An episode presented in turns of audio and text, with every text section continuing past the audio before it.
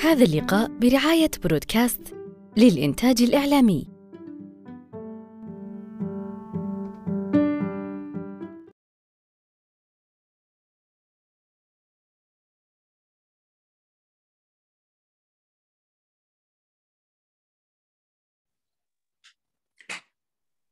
بسم الله الرحمن الرحيم. أهلا وسهلا بكم. أصدقاء ضاد في اللقاء رقم 111 من لقاءات صالون ضاد الثقافي. نحن نلتقي هنا كل يوم أربعاء وهذا هو توقيتنا الجديد لشهر رمضان المبارك الساعة الحادية عشر مساء.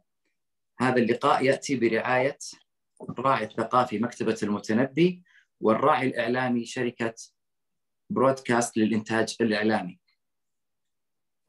ضيفي وضيفكم هذا المساء هو الأستاذ محمد محمود عفوا هو الأستاذ محمود عبد اللطيف الحسين أخصائي علاج طبيعي خريج جامعة دمشق عضو مؤسس لنادي فكر للقراءة في المدينة المنورة وعضو مؤسس لمجموعة علمتني الكتب الثقافية وعضو في فريق ضاد مثل ما ذكرنا هذا اللقاء هو أول لقاءات شهر رمضان المبارك وهو يأتي برعاية الراعي الثقافي مكتبة المتنبي والراعي الإعلامي شركة برودكاست للإنتاج الإعلامي.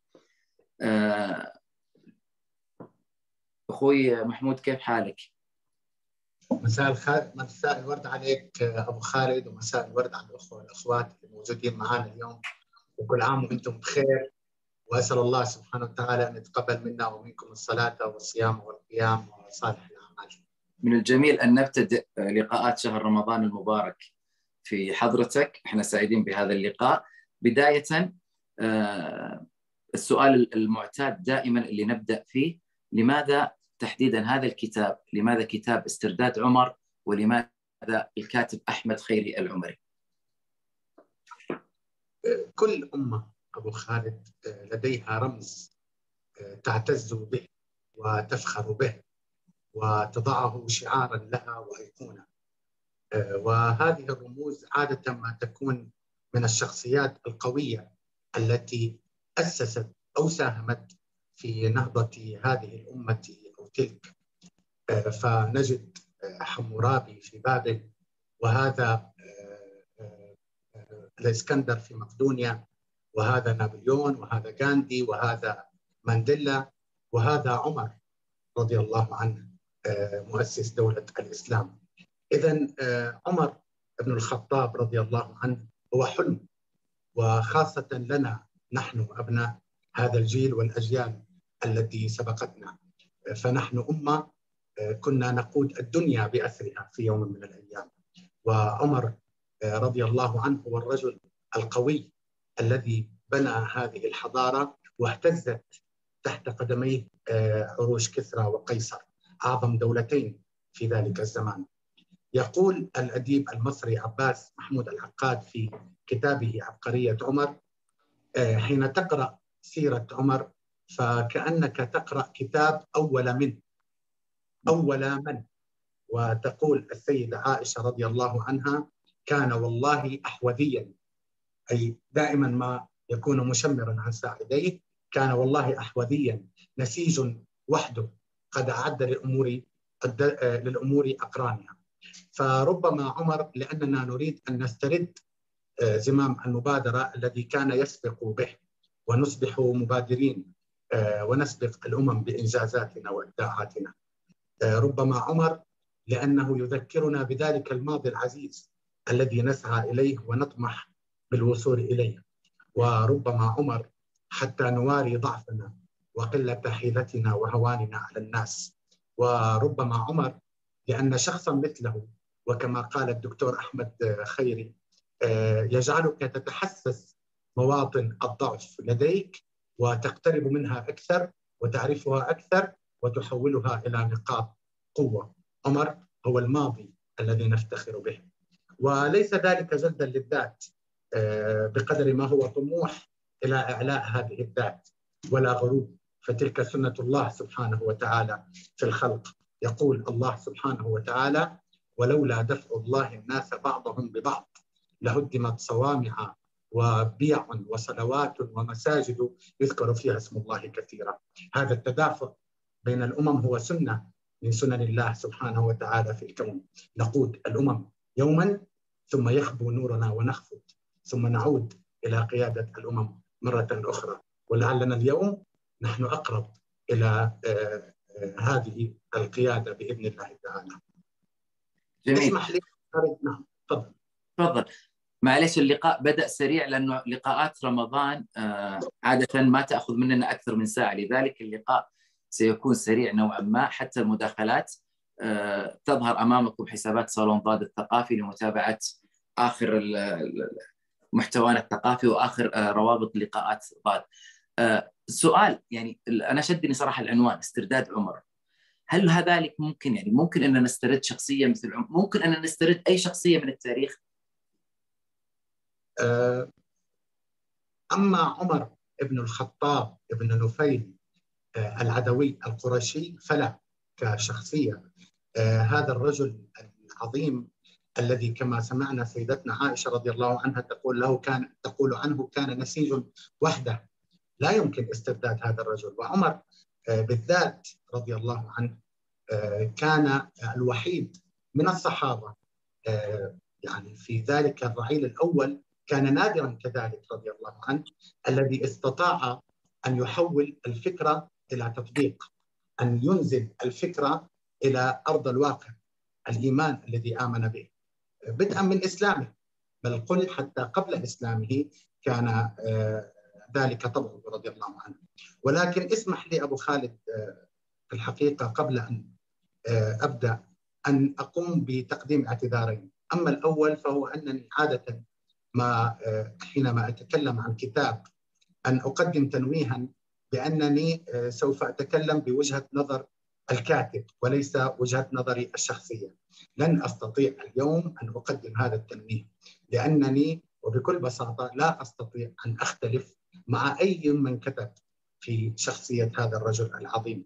آه، سيدنا عمر رضي الله عنه كان شخصية عظيمة تغلغلت آه، بشكل كبير جدا. آه، في في كياني وأصبحت مهووسا بها رضي الله عنه حتى أنني سميته ابن الأكبر على اسمه رضي الله عنه. طبعا سوف أغض الطرف عن أسلوب الكاتب وعن طرحه آه، لن آه، أتطرق إلى ذلك ولو أن هناك ملاحظات بسيطة جدا. كما أنني أعتذر لأنني لن أستطيع أن أغطي جميع جوانب الكتاب اليوم، الكتاب ضخم آه، كتب من 450 صفحة ولكنني سوف أحاول أن أركز على أهم ما جاء به بوجهة نظري الشخصية. أعود إلى سؤالك مرة أخرى. في الحقيقة هناك ارتباط كبير بين آه، الكاتب الدكتور آه، أحمد خيري وبين موضوع الكتاب وبين موضوع الكتاب وشخصية الكتاب الرئيسية سيدنا عمر رضي الله عنه فالدكتور أحمد هو عمري من نسل سيدنا عمر رضي الله عنه وقد غذي منذ طفولته بقصص جده الأكبر وإنجازاته وأفعاله وأقواله. فلا عجب أن يقوم الدكتور أحمد بكتابة هذا الكتاب بأربعين يوما فقط لأن مادة الكتاب كانت مغروسة بداخله ومزروعة بعقله. وأنني أتخيل أن حتى قصص الأطفال التي كان يسمعها قبل النوم تدور حول فلك هذا الرجل العظيم وحق له ولأهله أن يفخر بنسبه سيدنا عمر رضي الله عنه.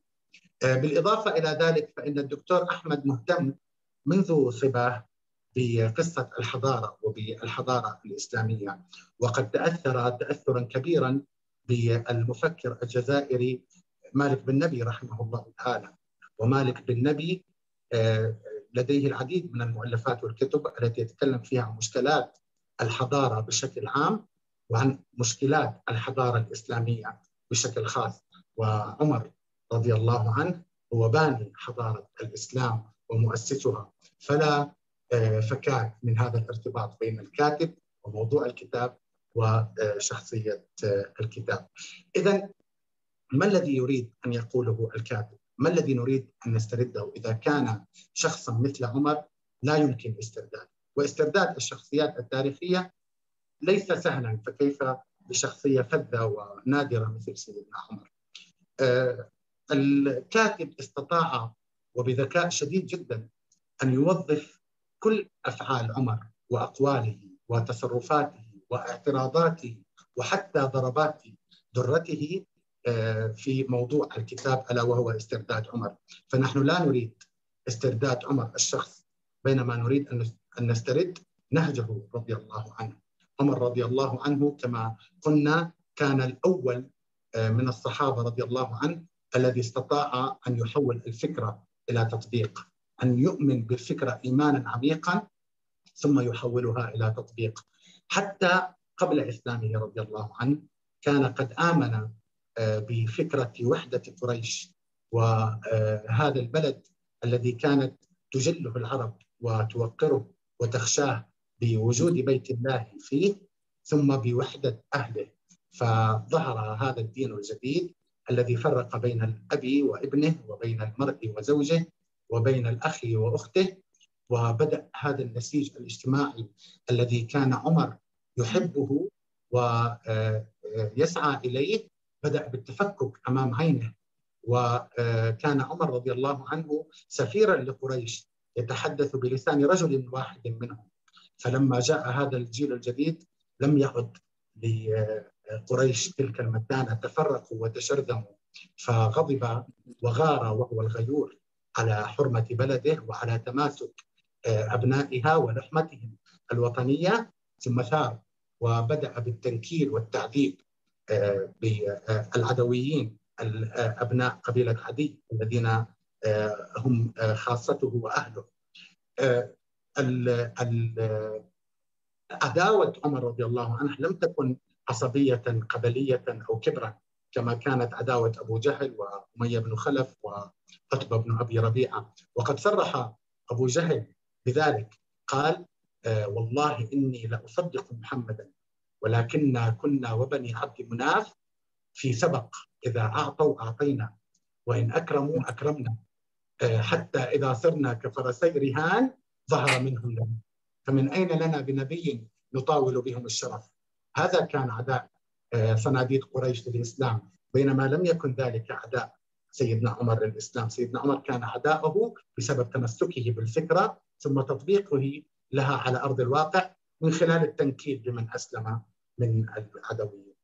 هذا ما نريد نريد أن نسترد هذه ال ال ال هذا الإيمان العميق بالفكرة سواء آه، آه، كانت آه، قبل اسلامه رضي الله عنه أم بعد اسلامه، نحن نهتم باسترداد الإيمان العميق ثم تطبيقه على أرض الواقع. نجد ذلك أيضا مرة أخرى نتحدث عن حرصه على الوحدة الوطنية وعلى التفاف الناس حول حاكمهم حينما هرع إلى سقيفه الانصار بعيد وفاة رسول الله صلى الله عليه وسلم وبايع أبو بكر ثم بايع وراءه الناس. وإن شاء الله خلال الحديث سنذكر العديد من الأمثلة الأخرى طيب أذكر الحضور الكريم انه المداخلات الصوتية فقط أيقونة رفع اليد وسيتاح المجال بإذن الله للمداخلات الصوتية. أما المداخلات الكتابية فهي متاحة طوال فترة اللقاء. إذا نظرنا إلى كتب التاريخ في الغالب اللي تكلمت عن عمر رضي الله عنه نلقاها تركز على يعني ميزتين وأنا أشوفها فيها شوي تناقض العدل والقساوة كيف هذا هذا التناقض موجود في شخصية سيدنا عمر رضي الله عنه؟ نعم. اسمح لي أبو خالد قبل أن أجيب على سؤالك الجميل أن أذكر بيتين للشاعر كريم العراقي شافاه الله آه، تذكرني كثيرا بسيدنا عمر رضي الله عنه ولو أنه لا يتكلم آه، عنهما به. يقول آه كم أشتاق أيام أبي. ذلك الرجل الرهيب العصبي. العصبي. إنه أورثني الحزن ولكن مدني بالعزم والعزة والصبر الأبي. وبكى حين رآني ناجحا. ورضا عينيه أطفى تعبي. إنما كان أبي قاسي الوجه ويخفي نهر حب عذب صبره صبر نبي قلبه قلب صبي. رحم الله أبي. وآباءكم أجمعين. وبمناسبة الحديث عن الأدب والشعر والفن والفن أود أن أقدم عملين وأنصح كثيرا بهما. آه، أما الأول فهو كتاب للأديب الراحل نجيب الكيلاني رواية اسمها عمر يظهر في القدس يتخيل فيها الكاتب سيدنا عمر رضي الله عنه وقد ظهر في القدس في يومنا هذا.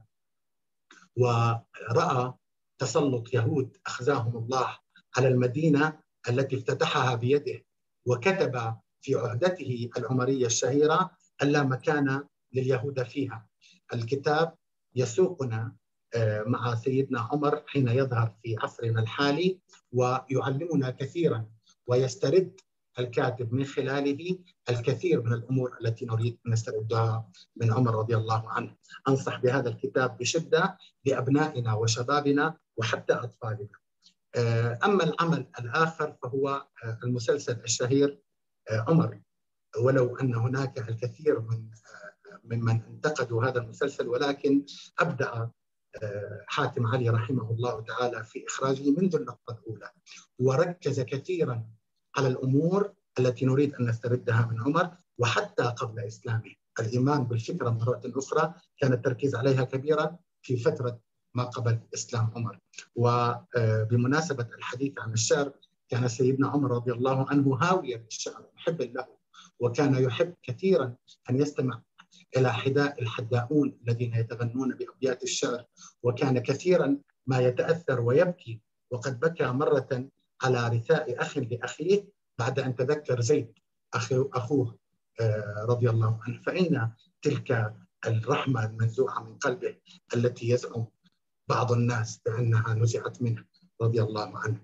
أعود إلى سؤالك وإلى قسوة عمر رضي الله عنه الذي هرع العديد من الصحابة رضي الله عنهم إلى سيدنا أبو بكر رضي الله عنه وقالوا له وهو على فراش المرض ماذا تقول لله غدا إذا سألك كيف تولي عليهم فظا غليظا مثل عمر؟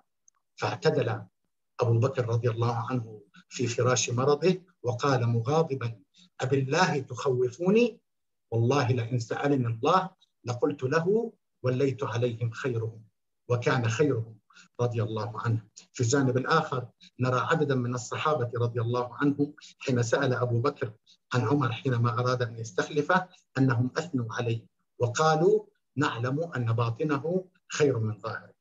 فعمر رضي الله عنه كان يحمل بداخله حنانا وعطفا ورحمة عظيمة ظهرت آه، جلية في الكثير من مواقفه. واسمح لي أبو خالد وحتى أجيب عن سؤالك. هناك مقطع صغير سوف أقرأه عليكم من الخطبة الأولى التي آه، بدأها سيدنا, سيدنا عمر رضي الله عنه بعد أن أصبح خليفة للمسلمين.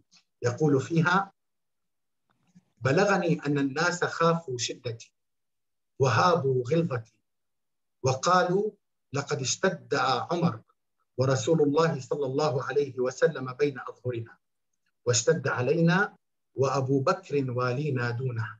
فكيف وقد صارت الأمور إليه؟ ألا فاعلموا أيها الناس أن هذه الشدة قد ضعفت أي قد تضاعفت. ولكنها إنما تكون على أهل الظلم والتعدي على المسلمين. أما أهل السلامة والدين والقصد فأنا ألين إليهم من بعضهم لبعض. ولست أدع أحدا يظلم أحدا أو يعتدي عليه حتى أضع خده على الأرض وأضع قدمي على خده الآخر حتى يذعن للحق.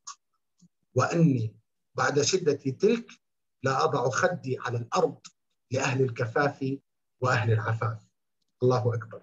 يعني هذه الشدة التي كانت لدى سيدنا عمر إنما كانت شدة على أهل الباطل ولم تكن شدة على أهل الحق بل كان ألين على أهل الحق من بعضهم لبعض رضي الله عنه. هذه الشدة التي نراها حينما ضرب بذرته أبو سفيان وهو آه، من هو؟ زعيم مكة وشيخها. وهذه الرحمة التي نراها فيه حينما حمل آه، الدقيقة على كتفه وسار به إلى تلك المرأة التي كانت تصبر أولادها الجوعى فلديه رحمة وقسوة لا تتعارض مع بعضهما البعض ولديه عدل في في الحالتين كان عادلا مع من يرحمه وكان عادلا مع من يقسو إليه. جميل إذا سمحت لي بأخذ مداخلة صوتية من الأستاذة رائدة يبدو لي عندها تعليق على نقطة استرداد سيدنا عمر رضي الله عنه تفضلي أستاذة آه. رايدة مساء الخير وكل عام وأنتم بخير تقبل الله طاعاتكم آه. صوتي واضح؟ إي واضح تفضلي طيب آه عندي سؤال آه ينطلق السؤال من منطلق المقولة التي تقول إنه لكل عصر دولة ورجال. فإن كانت هذه المقولة فلماذا نسعى إلى عملية الاسترداد؟ والاسترداد يعني عملية إسقاط ما كان في الواقع على ما هو في الحاضر الآن دون تغيير. آه، عمر رضي الله عنه مع خالص محبتنا واحترامنا له كان ابن ذاك الزمان. يتوافق مع معطيات ذاك الزمان. أليس الأجدى الآن أن لا نتحدث عن عملية الاسترداد وإنما نتحدث عن عملية تكوين شخصية تناسب معطيات هذا العصر بما آه، لها من متطلبات بالمعرفة التكنولوجية بالمعرفة آه، السياسية بمعطيات العصر. مع عدم إغفال الجانب الروحاني لا يمكن آه، أن نصل إلى عملية أن نكون في مقدمة الأمم فقط بجانب بجانب معين واحد مع إغفال الجوانب الثانية التي يفرضها علينا العصر. وشكرا جزيلا. العفو أهلين إيش رأيك أستاذ محمود؟ سؤال جميل جدا أستاذ رائدة. طبعا لكل عصر آه، دولة ورجال. والاسترداد المطلوب هنا ليس هو استرداد الشخصية كما قلنا في بداية الكلام. ولو أننا استردينا الشخصية اليوم لو عاد سيدنا عمر إلى آه، يوم إذا لو كان سيدنا عمر رضي الله عنه موجود بيننا اليوم لاستغل كل هذه الوسائل التي تكلمت عنها أستاذة رائدة. عمر رضي الله عنه في خلافته كان الأول أول من أول من كان سيدنا عمر قد استحدث نظام تقويم جديد وهو النظام الهجري الذي نسير عليه اليوم ولم يكن موجودا كان سباقا سيدنا عمر. كان آه، كذلك يأخذ من الأمم الأخرى أخذ من الروم الدواوين وأخذ من الفرس ما أخذ. فسيدنا عمر آه، كان آه، يسبق عصره حتى في ذلك الوقت بالأخذ من ثقافات الأمم الأخرى. كان رضي الله عنه لا يتوقف على الآية ولو أنه كان وقافا على كتاب الله ولكن لم يتوقف على سطحية الكلام بل كان يأخذ بالمعنى رضي الله عنه وهذا الذي جعل عمر رضي الله عنه ينشئ تلك الحضارة العظيمة في في في زمنه بشكل غير متوقع رضي الله عنه. فما نريد أن نسترده هو أمور معينة وليس آه، بقالب ذلك الزمان، لو كان سيدنا عمر موجودا اليوم لصهر نفسه بالقالب الجديد على نفس المبادئ التي يحملها رضي الله عنه. تعقيب من الأستاذة رائدة في الشات تقول هل آه، لكن هل شدته تتوافق مع مفاهيم الليبرالية المعاصرة والمفاهيم السياسية الحديثة؟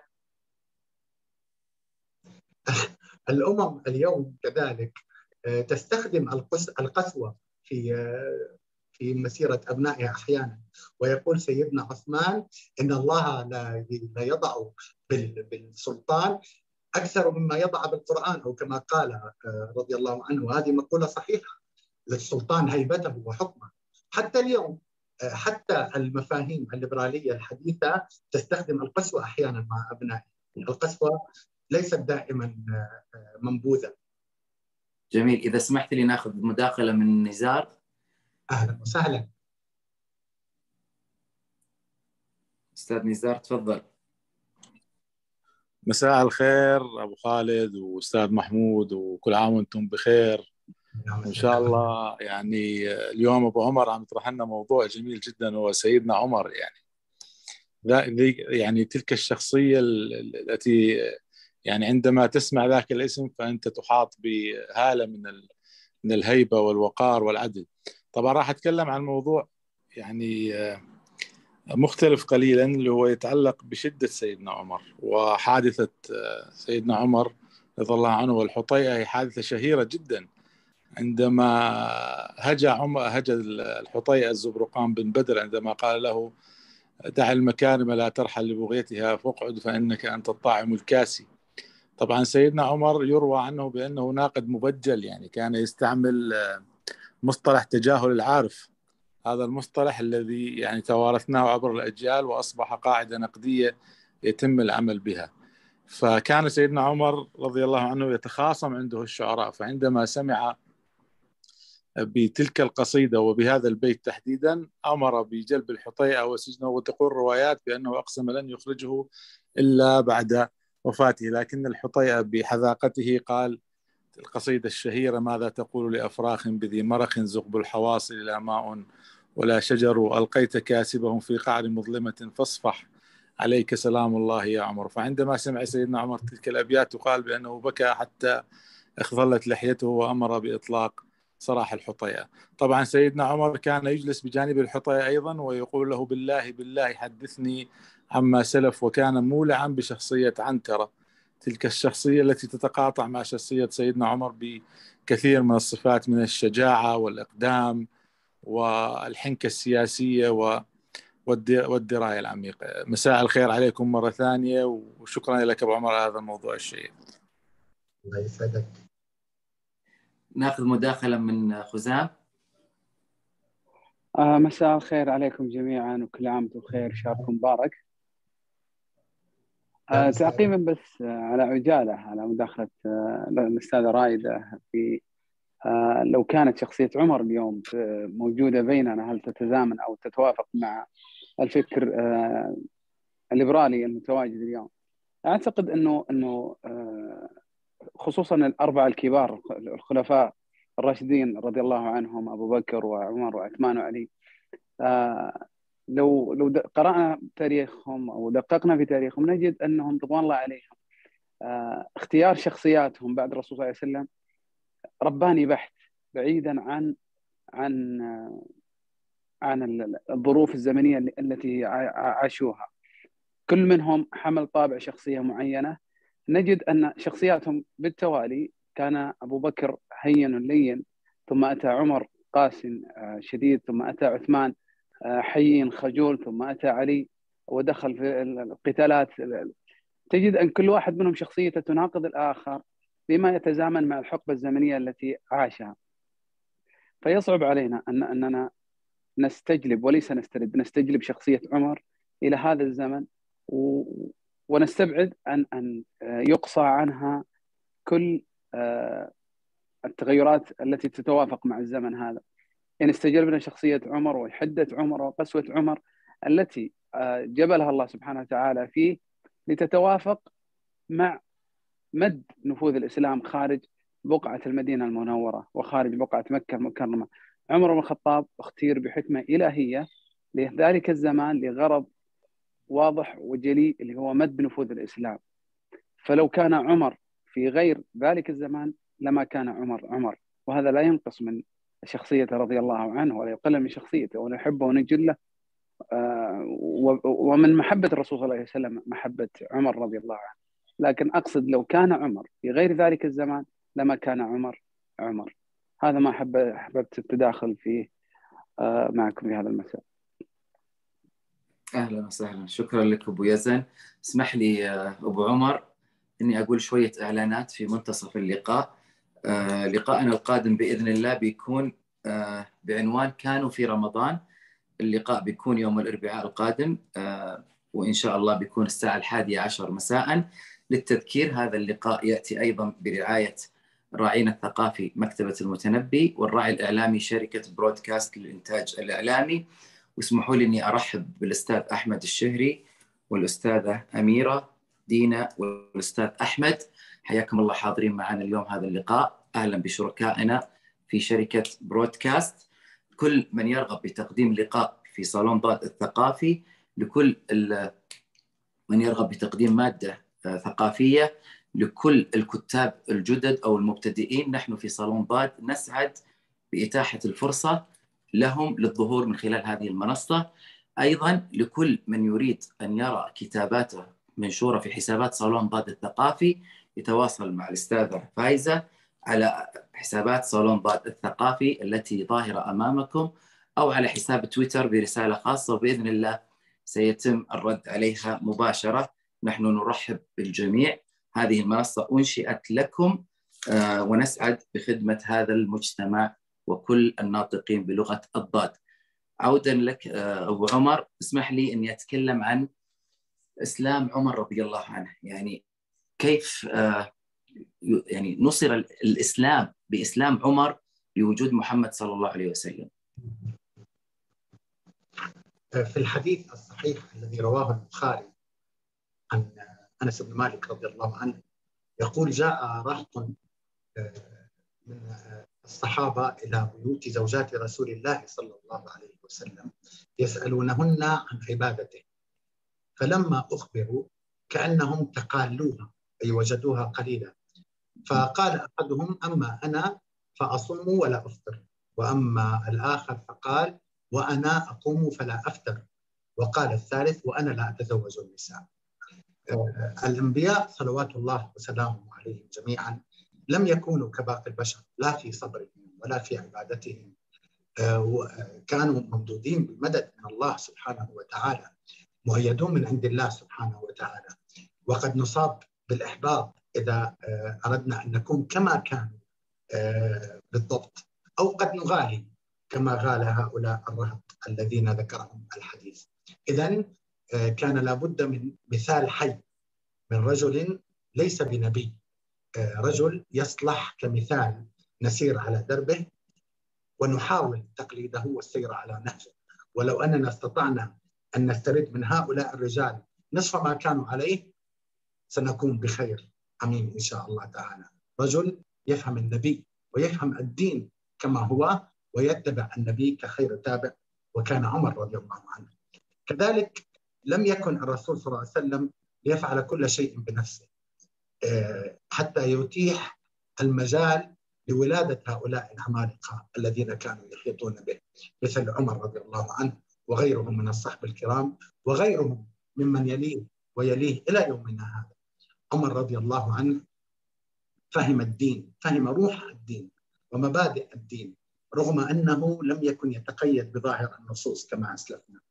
آه، دائما آه، كان مبتغاه الأصل الجوهر في جميع تصرفاته في جميع أفعاله في تعطيله لحد السرقة في عام الرمادة رضي الله عنه. آه، لم يكن الرسول صلى الله عليه وسلم يعني يتخيل الكاتب لا أدري ليعطل حد السرقة. ولكن سيدنا عمر عطل حد السرقة بفهمه العميق لهذا الدين. آه هذا الفهم آه جعله يقول أن أعطل الحدود في الشبهات أحب إلي من أن أقيمها بالشبهات. هذا الفهم يعني ربما هذا الكلام لو قاله أحدنا اليوم لاتهم في دينه. آه هذا الفهم جعله حينما كان جالسا مع أبو موسى يتحدثون في أمور الدولة آه ليلا آه، وقال له أبو موسى الصلاة يا أمير المؤمنين اقصد بها قيام الليل. فقال له سيدنا عمر أنا في صلاة. هذا الفهم الذي جعل حياته صلاة رضي الله عنه.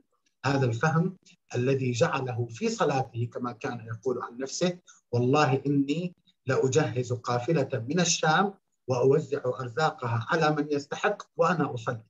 كانت صلاته حياة رضي الله عنه وكانت حياته صلاة. فديننا كان يحتاج إلى رجال من هذا النوع ليسوا بالأنبياء. آه اللهم آه ارضى عنهم. آه تحولت كل كل شيء في حياتي تحول إلى هذا الجوهر إلى هذا العمق إلى هاجس آه يحيى به رضي الله عنه. ولا ننسى أبو خالد أنه آه كما ذكرت حضرتك في لقاء سابق آه يا سارية الجبل كان رضي الله عنه آه، خارقا حتى في في في تفكيره. وليس ذلك آه، علما بالغيب ولكن كان من من تعمقه بالدين وأصوله رضي الله عنه. كان يقرن العباده دائما بالعمل والعقل رضي الله عنه. وقال رضي الله عنه لموت ألف عابد قائم بالليل صائم بالنهار أهون عندي من موت عاقل عقل عن الله أمره فانتفع بعلمه وانتفع الناس به هذا ما نريد استرداده أبو خالد. أستاذة فايزة تسأل عن العبارة التي نقشت على خاتم عمر رضي الله عنه وأثرها في مسيرته، ماذا عنها؟ نعم.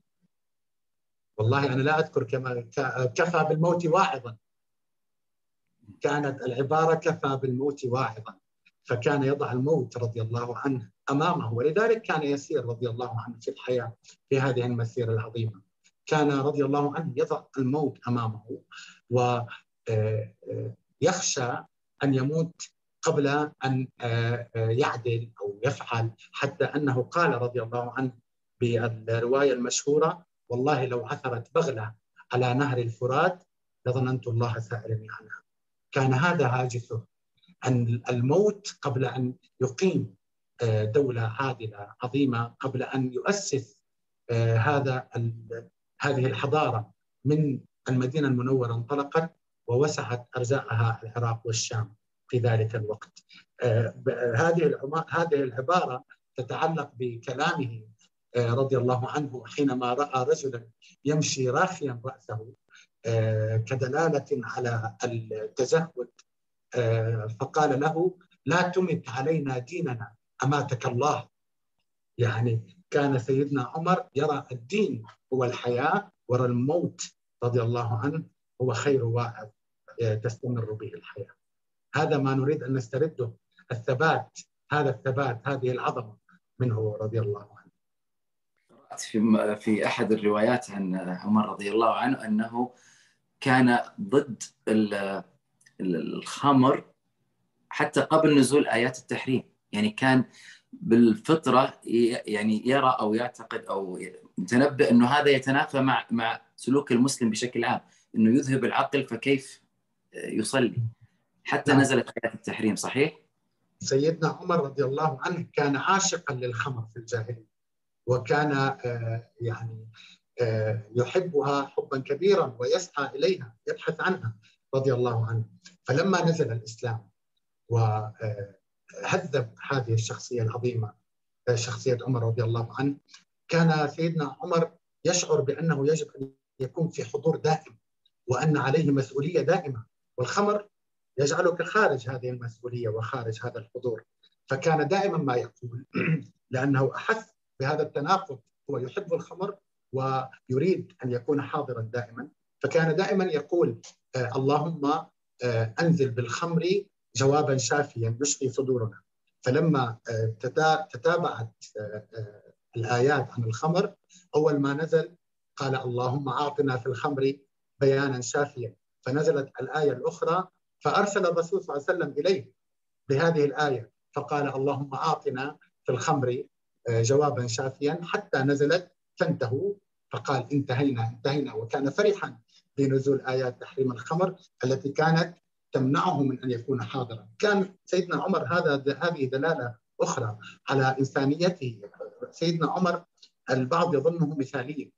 لم يكن سيدنا عمر رضي الله عنه مثاليا. كان مثالا صحيح ولكن كان رضي الله عنه قبل تحريم الخمر يحب الخمر كان عصبيا رضي الله عنه كان آه، يتردد أحيانا رضي الله عنه كان قلقا حتى أنه كان يخرج إلى أطراف المدينة آه، ينتظر الرسل القادمين من من الجيش بنفسه ويسير رضي الله عنه خلف الرسول والرسول لا يعرفه كان قلقا.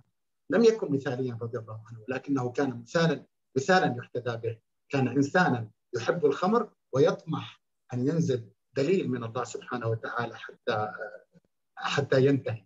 وانتهى رضي الله عنه. طيب أبو عمر كثيرة هي الكتب اللي تحدثت عن سيرة سيدنا عمر رضي الله عنه. لماذا هذا الكتاب؟ يعني ليه أنا ممكن أني آه، أختار كتاب آه، أحمد العمري عن بقية الكتب؟ يعني بماذا امتاز أحمد بتقديم سيرة عمر عن بقية الكتب اللي تناولت عمر رضي الله عنه؟ آه، أحمد خير العمري كما ذكرنا استطاع أن يوظف أن يوظف كل أفعال سيدنا عمر والدكتور أحمد خير العمري تخيل حتى ووضعنا في هذا الخيال ماذا كان سيفعل ما الذي نريد أن نسترده؟ الكتب السيرة الأخرى تتكلم. أسلم عمر عام كذا ثم فعل عام كذا ثم قال في غزوة كذا. تتكلم عن سيدنا عمر كما تتكلم عن سيرة أي شخص آخر. عبارة عن تاريخ فرد لتاريخ شخصية عظيمة من الشخصيات وهي كتب جميلة لا بأس بها. ولكن الدكتور أحمد رضي الله عنه وواضح من عنوان الكتاب استرداد عمر من السيرة إلى المسيرة. ولديه آه، كتاب آخر. أتوقع أنه قد كان بعد كتاب عمر اسمه سيرة خليفة قادم. الدكتور أحمد خير العمري يريد أن نحقق كلام الله سبحانه وتعالى بأننا نحن المستخلفين في الأرض. نحن خلفاء الله سبحانه وتعالى في الأرض. من خلال استرداد عمر يريد أن نكون جميعنا خلفاء. جميعنا نسترد ما كان يريده من عمر.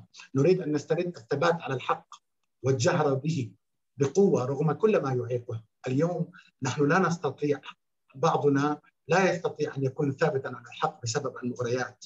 يريدنا أن نسترد من خلال عمر الثبات على الحق. يريد أن لا يتملكنا الحرج كما تفضلت الأستاذة رائده من الانتفاع بتجارب الآخرين والأخذ بها. ما دامت تنفعنا وتنفع أمتنا. نريد أن نكون كل آية في في كتاب الله سبحانه وتعالى دليلا ارشاديا لعمل شيء ما. الآيات لدى سيدنا عمر رضي الله عنه القرآن لدى سيدنا عمر كان دليلا ارشاديا ليس فقط للتعبد والتحنث والقراءة إنما كان دليلا ارشاديا لعمل شيء ما لتحقيق مبدأ الاستخلاف في الأرض. والعمل وإنزال ذلك موضع التطبيق. نريد أن نسترد ذلك الانضباط الذي كان عمر يلزم نفسه به.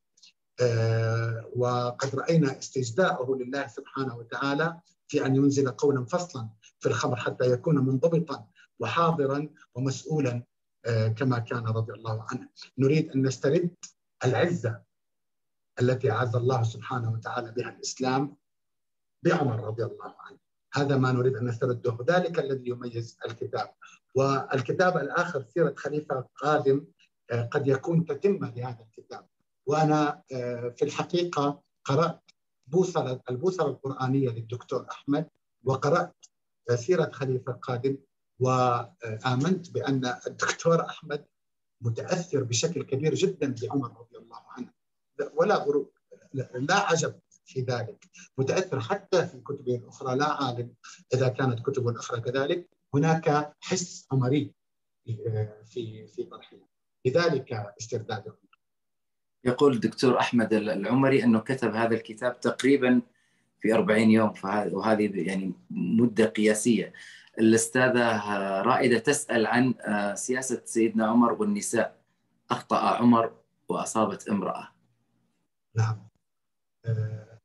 أكثر من ذلك. سيدنا عمر رضي الله عنه له الفضل بإسلامه لامرأة أخته فاطمة رضي الله عنها.